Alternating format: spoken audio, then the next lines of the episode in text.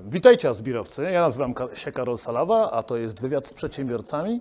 E, Dzisiaj mamy przyjemność porozmawiać z Kubą Pyrkiem. Dobrze mówię Kuba? Witam serdecznie, dokładnie. Udzieli nam paru ciekawych wskazówek odnośnie tego, co udało mu się uzyskać e, po planie na start oraz jak przebiega jego droga biznesowa w miłościwie nam panującym państwie polskim.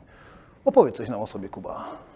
E, Plan na start miałem okazję wygrać w zeszłym roku i od tego czasu, korzystając z rad przedsiębiorców, którzy mnie oceniali, staram się rozwijać to całymi siłami, pchać do przodu, tak żeby e, to, co e, zapoczątkowałem sam, e, tutaj z Asbiro teraz mogło wznieść się troszkę wyżej. Pewnie naszych słuchaczy interesuje, czym dokładnie się zajmujesz. Tak dokładnie, produkuję meble dedykowane, a konkretnie stoły do gier planszowych i RPG. Mhm. Czyli pracujesz tak naprawdę w dwojakiej branży. Mówimy tutaj o rozgrywce, takiej wieloosobowej oraz w branży stolarskiej, tak? Tak, dokładnie. E, Cała branża gier planszowych jest dość fajnie w Polsce rozwinięta, w pozostałych krajach, zwłaszcza e, w Niemczech jeszcze bardziej. E, I tutaj, tak jak powiedziałeś, ta druga branża to jest taki mój konik, moja nauka i, i jakby moje też wykształcenie w kierunku branży takiej stolarskiej, czyli stricte produkcja e, i, i wszystko, co z tym związane. Okej, a skąd taka pasja pojawiła się u Ciebie? Czy to od razu był pomysł na biznes, czy zacząłeś sam od grania właśnie w gry planszowe? E, Jeśli chodzi o sam pomysł na ten biznes, to była raczej e, kompilacja taka różnych zdarzeń. Kwestia moja branża, bo lubię, bo z tej, w tą stronę poszedłem po prostu z wykształceniem. E, A jeśli chodzi o i też moja jakby próba ucieczki też od etatu, bo, bo do tej pory pracowałem na etacie. E, A z drugiej strony gdzieś po rodzinie akurat miałem okazję e, pograć też kilka razy. Miałem też, mam rodzinie też zapaleńców w tej kwestii, którzy po prostu zauważyli taką niszę, a my i współpraca, jaką stworzyliśmy teraz po prostu procentuje. A powiedz, bo gry planszowe, gry plansz, pla, grom planszowym nierówne, prawda? Jakie są Twoje ulubione tytuły z takich znanych y, szerokiej publice? Y, Tak jak powiedziałem, ja raczej jestem od tej strony e, branży stolarskiej. E, Wiadomo, wiadomo, gry jak najbardziej, ale bardziej takie typowo towarzyskie, gdzieś tam e, Właśnie rozgrywane. E, najprostsze jakieś e, Dixity, nie Di- Dixity tego typu, takie proste tytuły, które gdzieś tam w rodzinie można spędzić fajnie czas, nie? E, tytuły typu Warhammer i, i tego typu pozycje to już raczej zostawiam ten e, takim prawdziwym pasjonatom, a ja wolę się skupić na tym, żeby dać im to, e, to co tą, ten czas gry może po prostu im uprzyjemnić. Rozumiem.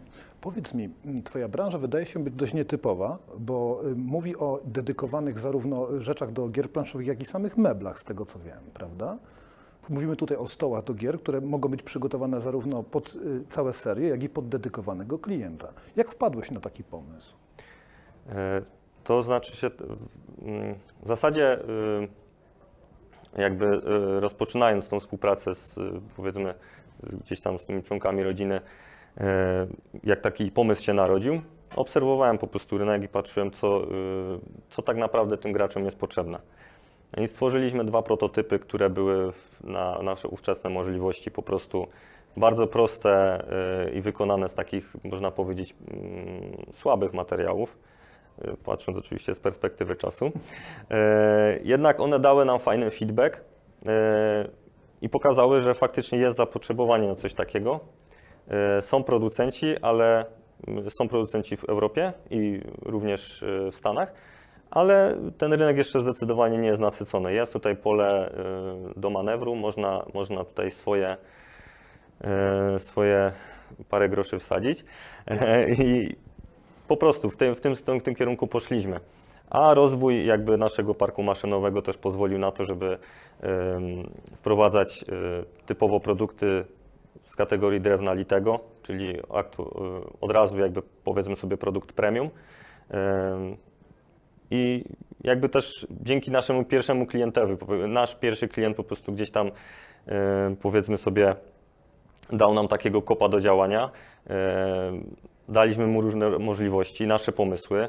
E, I tak naprawdę z nim konfr- konfrontacja, wymiana mailowa, tygodnie. Właśnie, bo ciekaw jestem, mówisz o pierwszym kliencie, tak? Twój pierwszy klient to był człowiek, który chciał od Was typowo stół do gry, właśnie dedykowany, bo mówimy tutaj do naszych młodych również przedsiębiorców, prawda, którzy częściowo swoją pasję chcą zamienić w biznes. Jak się udaje odnaleźć takiego człowieka? Czy to jest y, sposób jakiś reklamowania się w sieci, czy też bardziej szukania się poprzez kontakty? Ten pierwszy klient. Mm, Jakby wtedy jeszcze nie byliśmy na etapie takim, że gdzieś y, uderzaliśmy w jakieś targi, w takie miejsca, gdzie tacy ludzie się naturalnie y, skupiają. Mm, Natomiast mieliśmy taką wrzutkę przygotowaną przez influencera z branży, który dał nam możliwość, y, dał nam tą kartę, y, tą przepustkę, nazwijmy to, do, tych, do tej branży, nie bez, tak jakby pośrednio można powiedzieć. Czyli to było raczej po znajomościach osobistych niż reklamowanie się bezpośrednio w sieci, bo jakby tego tyczy się pytanie, jaki jest ten pierwszy krok, aby zrobić to pierwsze zlecenie? Często młodzi przedsiębiorcy zastanawiają się, myślę, że możemy im delikatnie podpowiedzieć, czy właśnie to y, szukanie influencerów gdzieś po Instagramie na przykład, czy raczej rozpakowywanie informacji o tym, co robicie wśród najbliższych? E, W mojej branży akurat y, ciężko znaleźć, no, jest to dość wąska branża, więc ciężko byłoby znaleźć wśród znajomych taką osobę, która jest w stanie, w, no, powiedzmy sobie, w niepewny efekt zainwestować. Pojawił się akurat klient i właśnie pojawił się z kanału tego influencera. Bezpośrednio do nas napisał, ponieważ mieliśmy już stronę, konfigurator na stronie, na gdzie były zamieszczone nasze prototypy i one były dla niego on był świadomy, że staje się poniekąd e, naszym królikiem doświadczalnym i był zadowolony z tego powodu. E, Nawiązaliśmy naprawdę bardzo fajną relację, która do teraz procentuje e, z tym pierwszym klientem, dlatego też jakby on wiedział, że może ten produkt nie będzie super idealny, doskonały, ale będzie to produkt, który my włożymy serce i zrobimy dla niego to, co, to czego on oczekuje.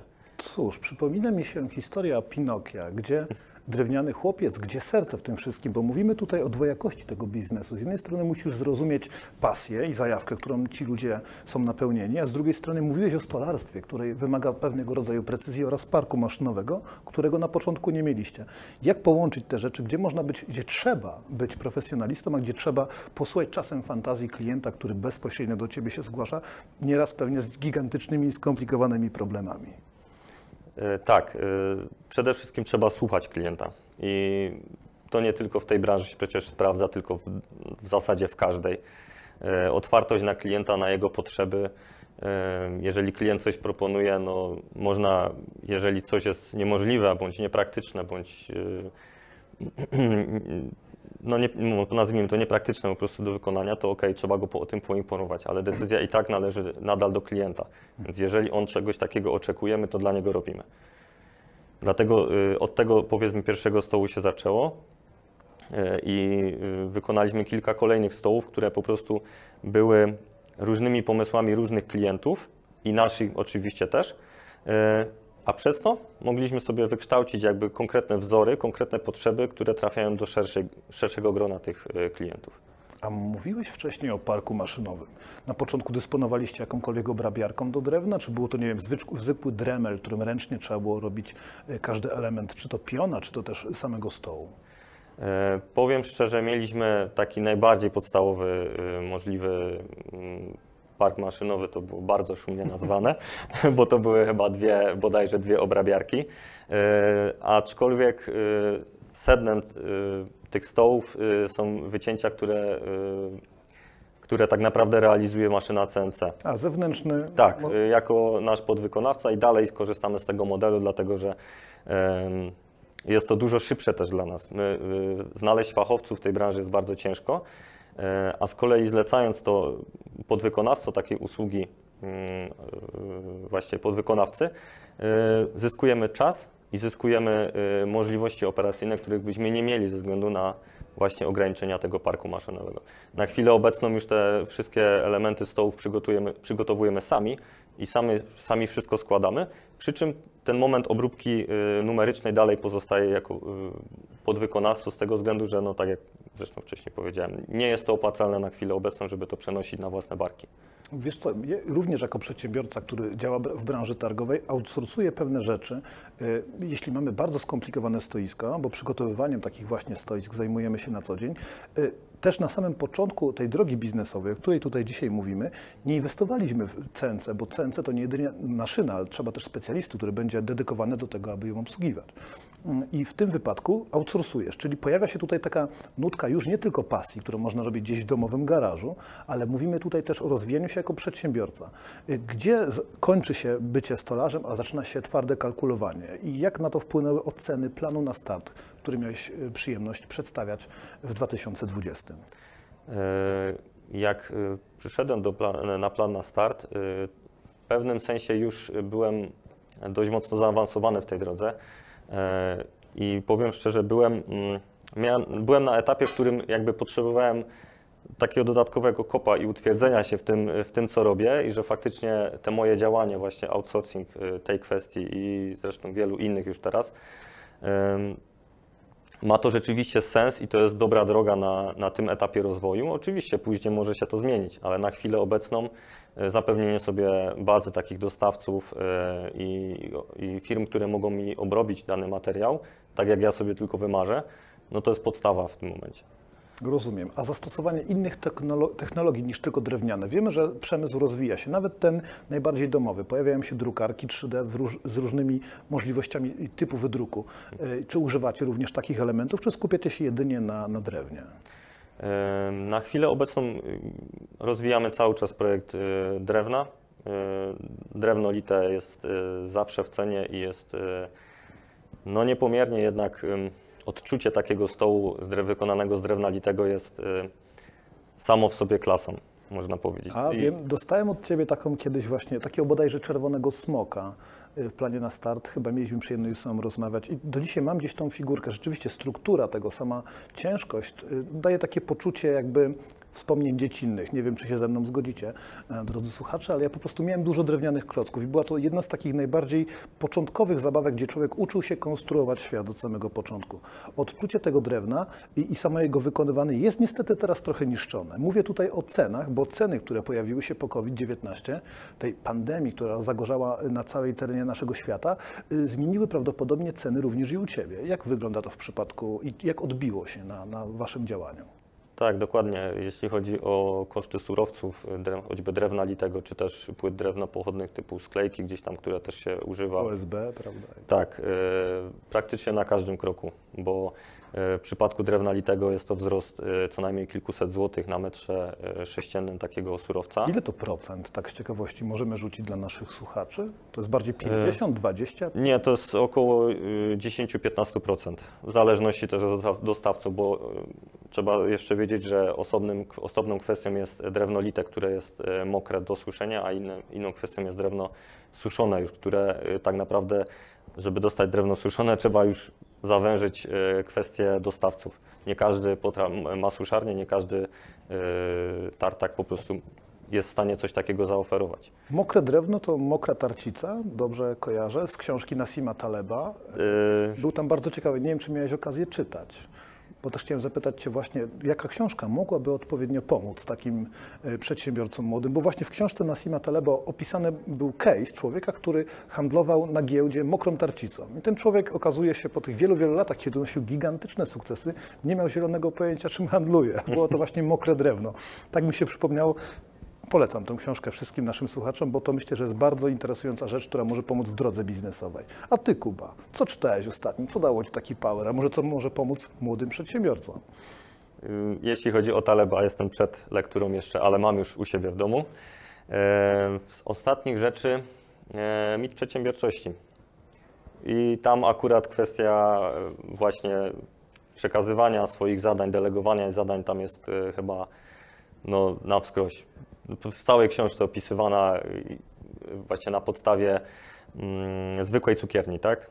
Okej. zwykłego wyrobnika, który po prostu y, jaką drogę ma pokonać, żeby ta, żeby jego pasja stała się, y, była korzyścią też dla innych. Świetnie, czyli mamy już książkę, mamy praktykę, wiemy, że rynek będzie się zmieniał.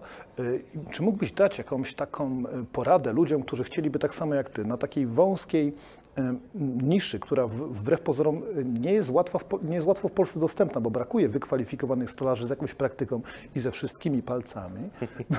Czy mógłbyś dać jakąś poradę ludziom, którzy mają tą pasję, gdzieś to robią w garażu i chcieliby się rozwinąć, ale nie mają tego pierwszego kluczowego klienta albo zastanawiają się, gdzie mogą go znaleźć? No, jeśli chodzi o stolarzy, to zapraszam do mnie. A jeśli chodzi o, e, o takie, takie inne branże, powiem szczerze, szukać, szukać i jeszcze raz szukać. E, Jak ma wyglądać produkt, e, gdzie, e, gdzie, gdzie, gdzie znajdę informacje na jego temat, e, jak się w danej branży wypromować, bo przecież branża branży nierówna. Przykładowo zwykłe meble, które też dziś robiłem e, na wymiar. Kwestia tego typu to jest e, stricte e, rynek, gdzieś tam branża, gdzie jest marketing szeptany, tak? Mhm. Polecają się ludzie nawzajem. Tak, dokładnie. Ty zrobiłeś komuś szafę wnękową, ktoś potrzebuje kuchni. Tak, dokładnie, dokładnie na tej zasadzie. A tutaj jednak ten temat może w jakimś niewielkim stopniu zadziałać. E, Bardziej tutaj już trzeba wyjść jakby do takiego klienta, który raczej, to nie jest rynek lokalny, tak?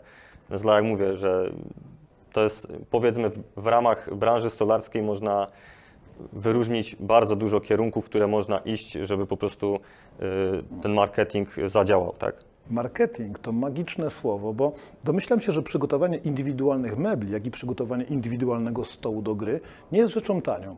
Jak y, wy zachowujecie się, jak promujecie swoją markę, dając tą wartość dodaną, oprócz tego, że trzeba dużo zapłacić, to co ci ludzie jeszcze mogą dzięki temu, że od was coś kupią, uzyskać? Mówimy oczywiście o klientach. Na pewno staramy się tego klienta zawsze dopieścić. To znaczy, on przychodzi po konkretny produkt, my chcemy mu, dać ten produkt, ale w pierwszej kolejności musimy odczytać jego, y, jego potrzeby. E, To czego, on tak oczeku, to, czego oczekuje, i nieraz y, no, można powiedzieć, że sam nie wie tak naprawdę, co jest mu potrzebne w tej grze. Tak? Czyli też jako wartość doradczą, tak? Tak, A tak, jeśli przychodzi z kosmicznym pomysłem za gigantyczne pieniądze, których nie ma, to wy co, co robicie? Staracie się m, sprowadzić go na ziemię, czy jakoś tak przygotować, żeby to w odpowiedni sposób y, spełniło jego marzenia, dostosować do, do jego budżetu? Bo mówimy, że to nie są rzeczy jednak tanie, prawda? Jeśli jest taka możliwość, to jak najbardziej. Ym, Mieliśmy, mieliśmy potencjalnych klientów, którzy przychodzili do nas z zapytaniem. No jednak stół, stół powiedzmy miał być z kosmosu, tak jak powiedziałeś, Okej. e, a cena miała być Ikei, nie? Dlatego, y, dlatego no tutaj trzeba znaleźć albo złoty środek, no albo no niestety nieraz nie da się już spotkać po prostu z tym klientem gdzieś po drodze, bo no jakby tak jak mówisz, y, projekt indywidualny i wykonanie indywidualne pod daną koncepcję musi niestety kosztować, bo to pochłania bardzo dużo naszych, naszego czasu e, na etapie już projektowania, samego kontaktu z klientem e, i później samej realizacji. A może powiedziałbyś naszym słuchaczom, gdzie Cię można znaleźć, gdzie można pooglądać Twoje, twoje realizacje, bo na pewno nie jedni byliby zaciekawieni wa- Waszymi usługami.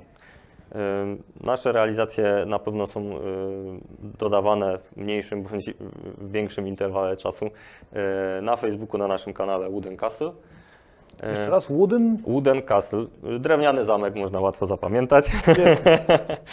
E, I jako teraz, jako że zmieniliśmy troszkę koncepcję naszego działania i chcemy wejść troszkę szerzej też na te rynki zachodnie, dlatego e, zmieniliśmy mm, logo, tą nazwę właśnie, to już jest ta nazwa, nowa nazwa powiedzmy sobie. identyfikację wizualną. Tak, tak, dokładnie.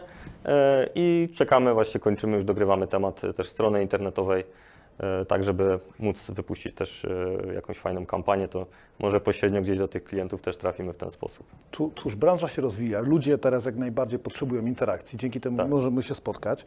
E, Im więcej takich możliwości roz, e, rozrywek i rozwoju, e, tym więcej będzie też napotykało e, problemów. Jaki teraz jest taki, na sam koniec chciałem się Ciebie zapytać, taki główny problem, który widzisz w rozwoju swojej firmy i w jej rozrastaniu się w dal? Niestety nieustannie jest to kwestia fachowców e, i tego, bo wszystko można zrobić, na wszystko można kapitał pozyskać. E, Branża jest bardzo kapitałochłonna. Jeśli chodzi o park maszynowy, no to jest naprawdę kosmos. No, przy czym większy, większy problem jest teraz z fachowcami, aniżeli z, z kapitałem. Kapitał zawsze można zdobyć różnymi drogami. Hmm, czyżby brakowało ludzi w zawodówkach? Czy ktoś nie zlikwidował zawodówek tylko dlatego, żeby było więcej menadżerów? No, każdy dzisiaj, marzenie każdego młodego człowieka to pójść No do tak, korporacji. tak nie? z ciekawości, na pełen etat stolarza ze wszystkimi palcami niech będzie. Jakie to są pieniądze? Wiesz, nie wiesz? Zakładasz jakieś tam ogłoszenia o pracy? Ile sobie żąda taki dżentelmen? Ja wiem, bo pracujemy w branży bardzo podobnej.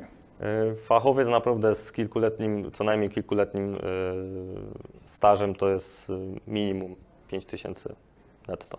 A u nas 11. Słuchajcie, bardzo Ci serdecznie dziękuję. Y, Mam nadzieję, że zobaczycie sobie właśnie, jeszcze raz brand, powiedz nam po angielsku. Wooden Castle. Wooden Castle y, i będziecie mogli wyrazić swoje komentarze tutaj pod filmem, które na pewno będą na dole. Y, Wielkie dzięki za posłuchanie naszego wywiadu, no i zapraszamy na następne. Dzięki Kuba. Dzięki bardzo. Nie planowałem w ogóle iść na studia. Zobaczyłem, że Asbiro otwiera licencjat, no i wtedy uznałem, że warto. Od razu w sumie byłem przekonany, no bo nie wiem, czy jest na świecie druga uczelnia, na której wykładają w sumie sami przedsiębiorcy. Ja myślę, że jeżeli chodzi o rankingi, to wyobrażam sobie, że Asbiro mogłoby spokojnie być najgorszą szkołą w rankingach w Polsce, a ja myślę, że nie mogłem trafić lepiej.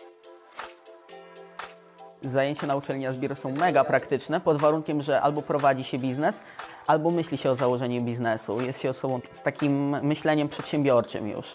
Na Zbiro jest 100% wiedzy i to jest ten wyróżnik, e, który zdecydowanie działa na plus. Na zajęciach przede wszystkim poruszamy aspekty dotyczące sprzedaży, dotyczące marketingu, zarządzania, tego jak tworzyć firmę, jak nią kierować, System myślenia. Jak sprzedawać, jak e, rozmawiać z klientami. jak zbudować biznesplan krok po kroku. negocjacje, mamy marketing, mamy prawo, finanse, zarządzanie produkcją. Ja nie mogę wymienić wszystkich zakresów, wszystkich wykładowców i wszystkich tematów, bo tego jest po prostu za dużo. Atmosfera na zajęciach jest bardzo otwarta. Mamy kontakt z wykładowcą, możemy się zapytać. To nie jest tak, że wykładowca prowadzi, a my tylko słuchamy, tylko zawsze możemy się zapytać coś. Możemy go zapytać o nasz konkretny case biznesowy, jak on by to widział, albo co myśli na ten temat. No i to jest ta wartość taka dodana do, do całej uczelni. Najbardziej zapadły mi w pamięć zajęcia z Marcinem o BHP. Bardzo mi zapadły w pamięć, e, mieliśmy taki długi blok z zarządzania, e, wtedy pisaliśmy biznesplan pod prezentację dla e, inwestora, coś co się faktycznie może przydać. Wykłady na pewno były praktyczne. Otworzyły mi też horyzonty na, na sprzedaż, bo tym się teraz głównie zajmuję pośrednictwem w nieruchomościach, więc też pomogły mi jakby dopasować się do potrzeb klienta. Zajęcia z Mikołajem Heweltem e, z Forum Działalności e, Gospodarczej, dlatego że też to jest mi bliski temat e, w ramach e, prowadzenia mojej działalności. Zajęcia są praktyczne, zajęcia nas przygotowują do e, prowadzenia działalności, do tego, żeby prowadzić swoją działalność w lepszy sposób.